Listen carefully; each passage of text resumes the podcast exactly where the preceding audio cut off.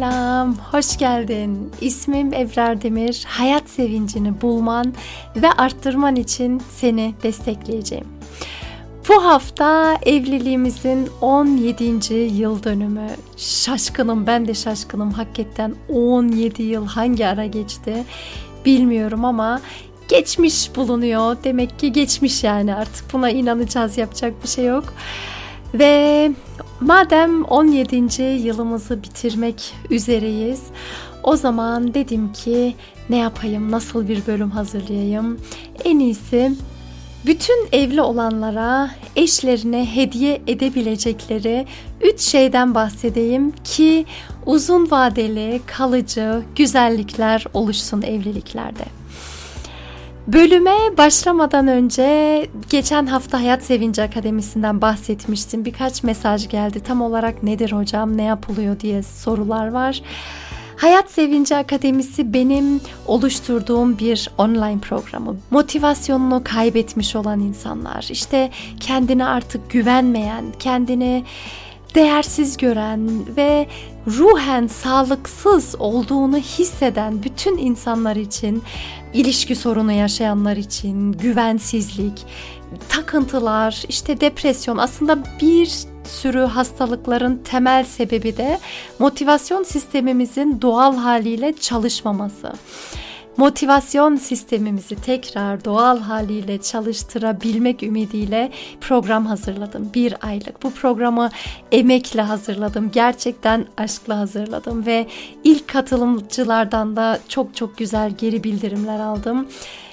İlgin varsa sen de katılmak istersen daha detaylı bilgilerde hayatsevinci.com üzerinden ulaşabilirsin. Şimdi gelelim eşine hediye edebileceğin üç şeye. İyi dinlemeler. Şimdi hediye derken tabii ki akla ne geliyor? Akla şu geliyor. Yeni evlenmiş bir çift. Ondan sonra işte bu yıl ne alsam? Ah doğum günü geldi. Ay tanışma yıl dönümümüz, ah işte evlilik yıl dönümümüz, ne alsam ne alsam, işte saat mi alsam, şal mı alsam bu sohbetleri eminim çok çok iyi biliyorsunuzdur ya kendi hayatınızdan ya da etrafınızda böyle şeyleri aşırı önemseyen insanlardan. Ben bugün işte şunu alsana, bak şunu alabilirsin gibi öneriler sunmayacağım. Belki bunu bekliyorsundur. Hayal kırıklığına uğratmak istemezdim ama bunlar değil. Bun, bunları sunmak değil bugün hedefim. Aslında ben bugün o kısa vadeli hediye tabii ki hediyeler çok güzel bir şey. Eşini sevindir hediyeler al onu mutlu et. E, hediye almak sevgi dilidir neticede. Ancak bunlar yine de sevgi dili o anlık seni mutlu eden ve uzun vadeli değil de daha çok o an mutlu edebileceğin bir şey. Benim değinmek istediğim hediyeler manevi anlamdaki hediyeler ve kısa vadeli iyi gelen değil, uzun vadeli iyi gelecek olan hediyeler. Bu sebeple şu an zaten bir tüketim kültüründe yaşıyoruz. Zaten televizyonu açtığımız anda bile bir sürü reklamlarla, işte tek taşlarla, şöyle takımlarla, böyle yeniliklerle, arabayla, evle artık tamamen maddiyata dökülmüş durumda mutluluğumuz. Bu yüzden bunu dile getirmek istedim.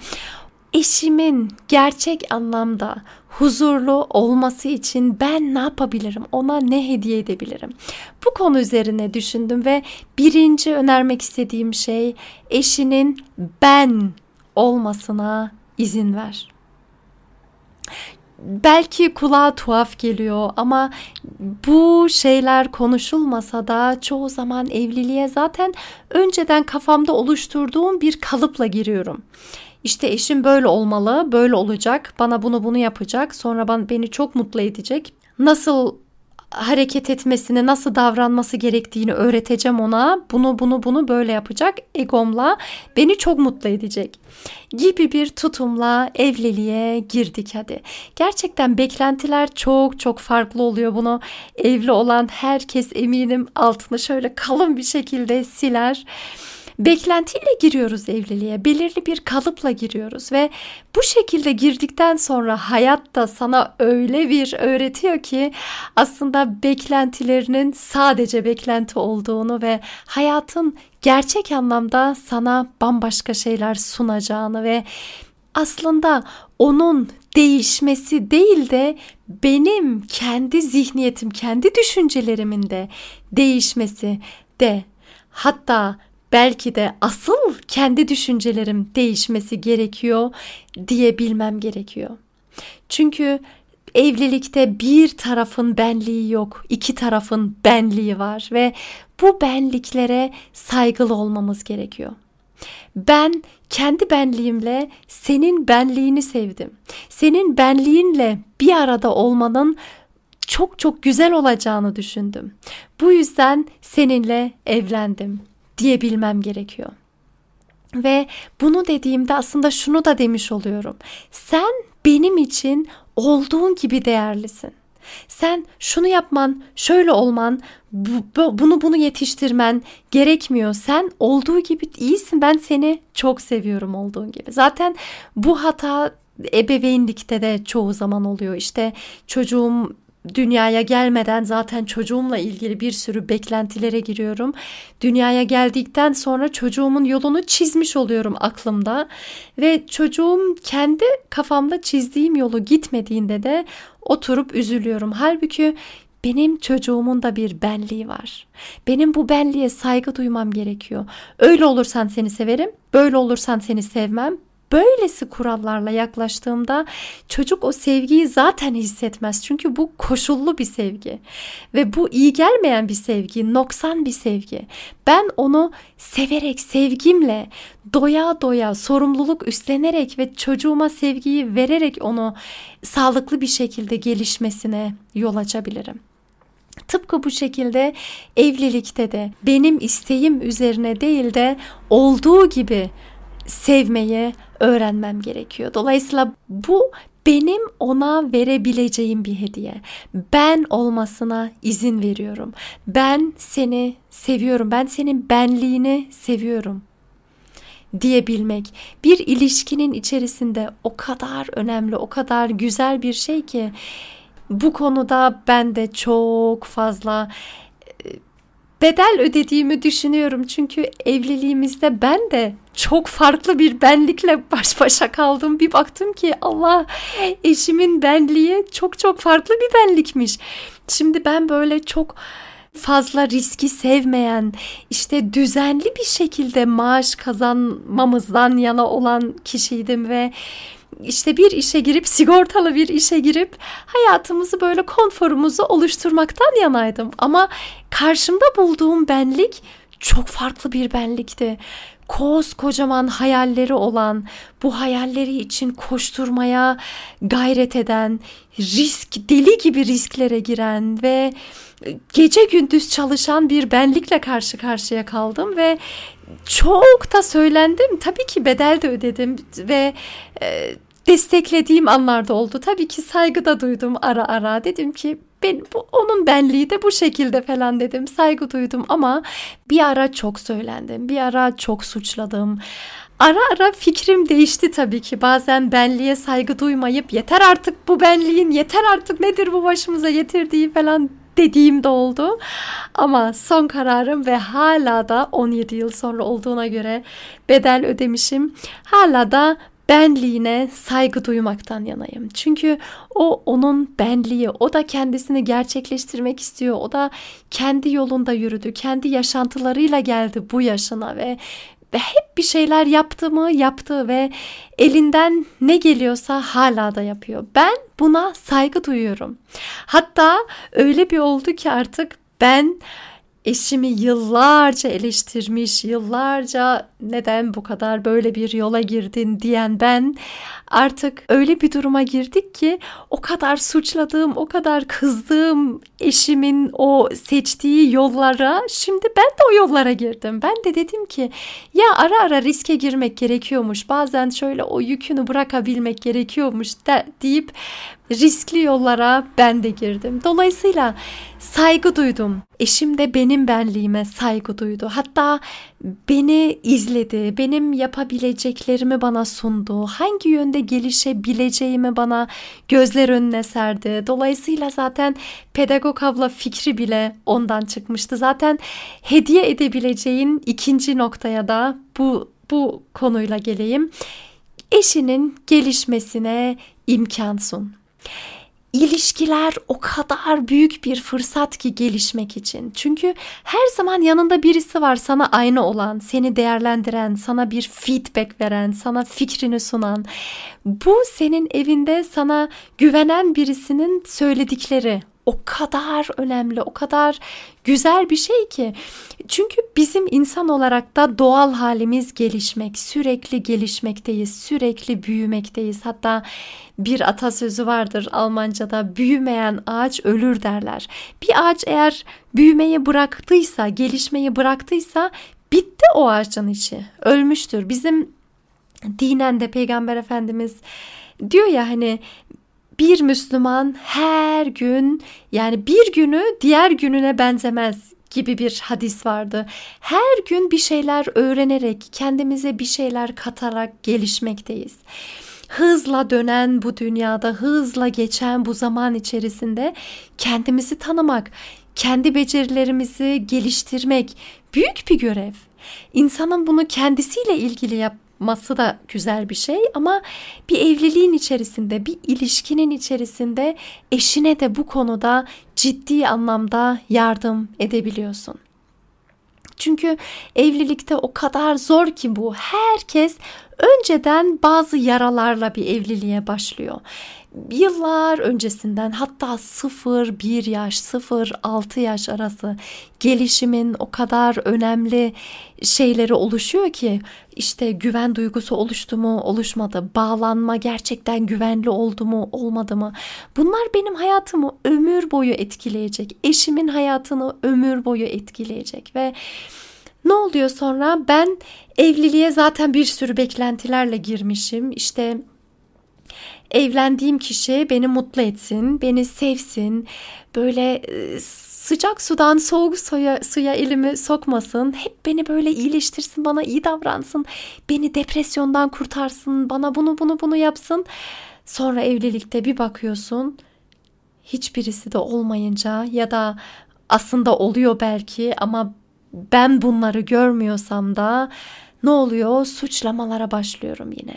Çünkü bir evlilik beni kurtaramaz, bir evlilik benim hastalığımı onaramaz, bir evlilik beni iyileştiremez, beni seviliyor hissettiremez. Ben yine kendi sorumluluğum, kendimi mutlu edebilmem benim sorumluluğum, kendime iyi davranmam benim sorumluluğum, suçlamamam benim sorumluluğum. Hep karşı taraftan bekleriz maalesef ve bu sebepten de genelde işte evlilikler çoğu zaman hüsranla bitebiliyor. Ama ben bunun farkına varırsam, evet bu benim sorumluluğum. Ben kendime iyi davranmalıyım. Ben kendimi mutlu hissetmeliyim ve yanımdaki eşim de kendi benliğiyle mutlu olursa ikimiz de işte o zaman mutluluğu bulabiliriz. Bunların farkına vardıktan sonra bu ilişkiyi en üst düzeye getirebilirsin ve en üst düzeye gelmiş bir ilişkinin de şöyle halleri oluyor. Çok çok hoşuma gitmişti bir arkadaşım. Yaşlı bir kadın ve yaşlı bir adam yani karı koca onlara eşlik ediyor. Yanında onları izliyor. Ve birden bunlar böyle birbirlerine bakıp gülümsüyorlar. Adam böyle kadının çenesini tutuyor falan. Arkadaşım da soruyor diyor ki ne oldu hani bir şey konuşulmadı falan. Ondan sonra yaşlı adam arkadaşıma diyor ki bizler eskiden konuşma ihtiyacı duyuyorduk da artık konuşma ihtiyacına gerek yok. Biz birbirimizi hissedebiliyoruz. Birbirimizi konuşmadan da anlayabiliyoruz. Bu cümle o kadar hoşuma gitmişti ki hala unutmadım. Yıllar geçti aradan. Aynen öyle. Bizler konuşarak birçok şeyi anlatmaya, derdimizi söylemeye çalışıyoruz ama sadece konuşarak değil, duygularla da, bakışlarla da, dokunuşlarla da hissedebiliyoruz birçok şeyi ve bu dizeye getirebiliriz evliliğimizi. Ve eşine hediye edebileceğin üçüncü şey de şöyle bir soru sormak kendi kendine. Ben nasıl iyi bir eş olabilirim? Çünkü genelde sorduğumuz soru şu. Eşim daha iyi nasıl eşlik yapabilir bana? Eşim nasıl olsa daha iyi yapar, beni daha çok mutlu eder, bana daha iyi gelir gibi sorular soruyoruz ve sürekli kendi kalıbımıza eşimizi sokmaya çalışıyoruz ya. Hayır, ben kendime soracağım. Ben nasıl daha iyi bir eş olabilirim ya? Ne yapmam gerekir? Ben gerçekten eşimin ihtiyaçlarının farkında mıyım? Onun neye ihtiyacı var onu biliyor muyum? Ona nasıl yardım edebilirim? Onu nasıl daha mutlu edebilirim, iyi hissettirebilirim? Evliliği çoğu zaman hani alışveriş olarak görüyoruz. İşte ben bunu bunu yaptım, sen de bunu bunu yapacaksın. Tabii ki hani şimdi sınır belirlemeye gerek yok demek istemiyorum. Sınır elbette belirlemek şart. Ancak evliliği alışveriş olarak görürsem, bu şekilde değerlendirirsem sürekli hesap halinde olurum ve sayarım. Ben bunu bunu bunu yaptım, o da bunu bunu bunu bunu en azından yapacak gibi bir düşünce tarzı oluşuyor ve bu da iyi gelmiyor evlilikte.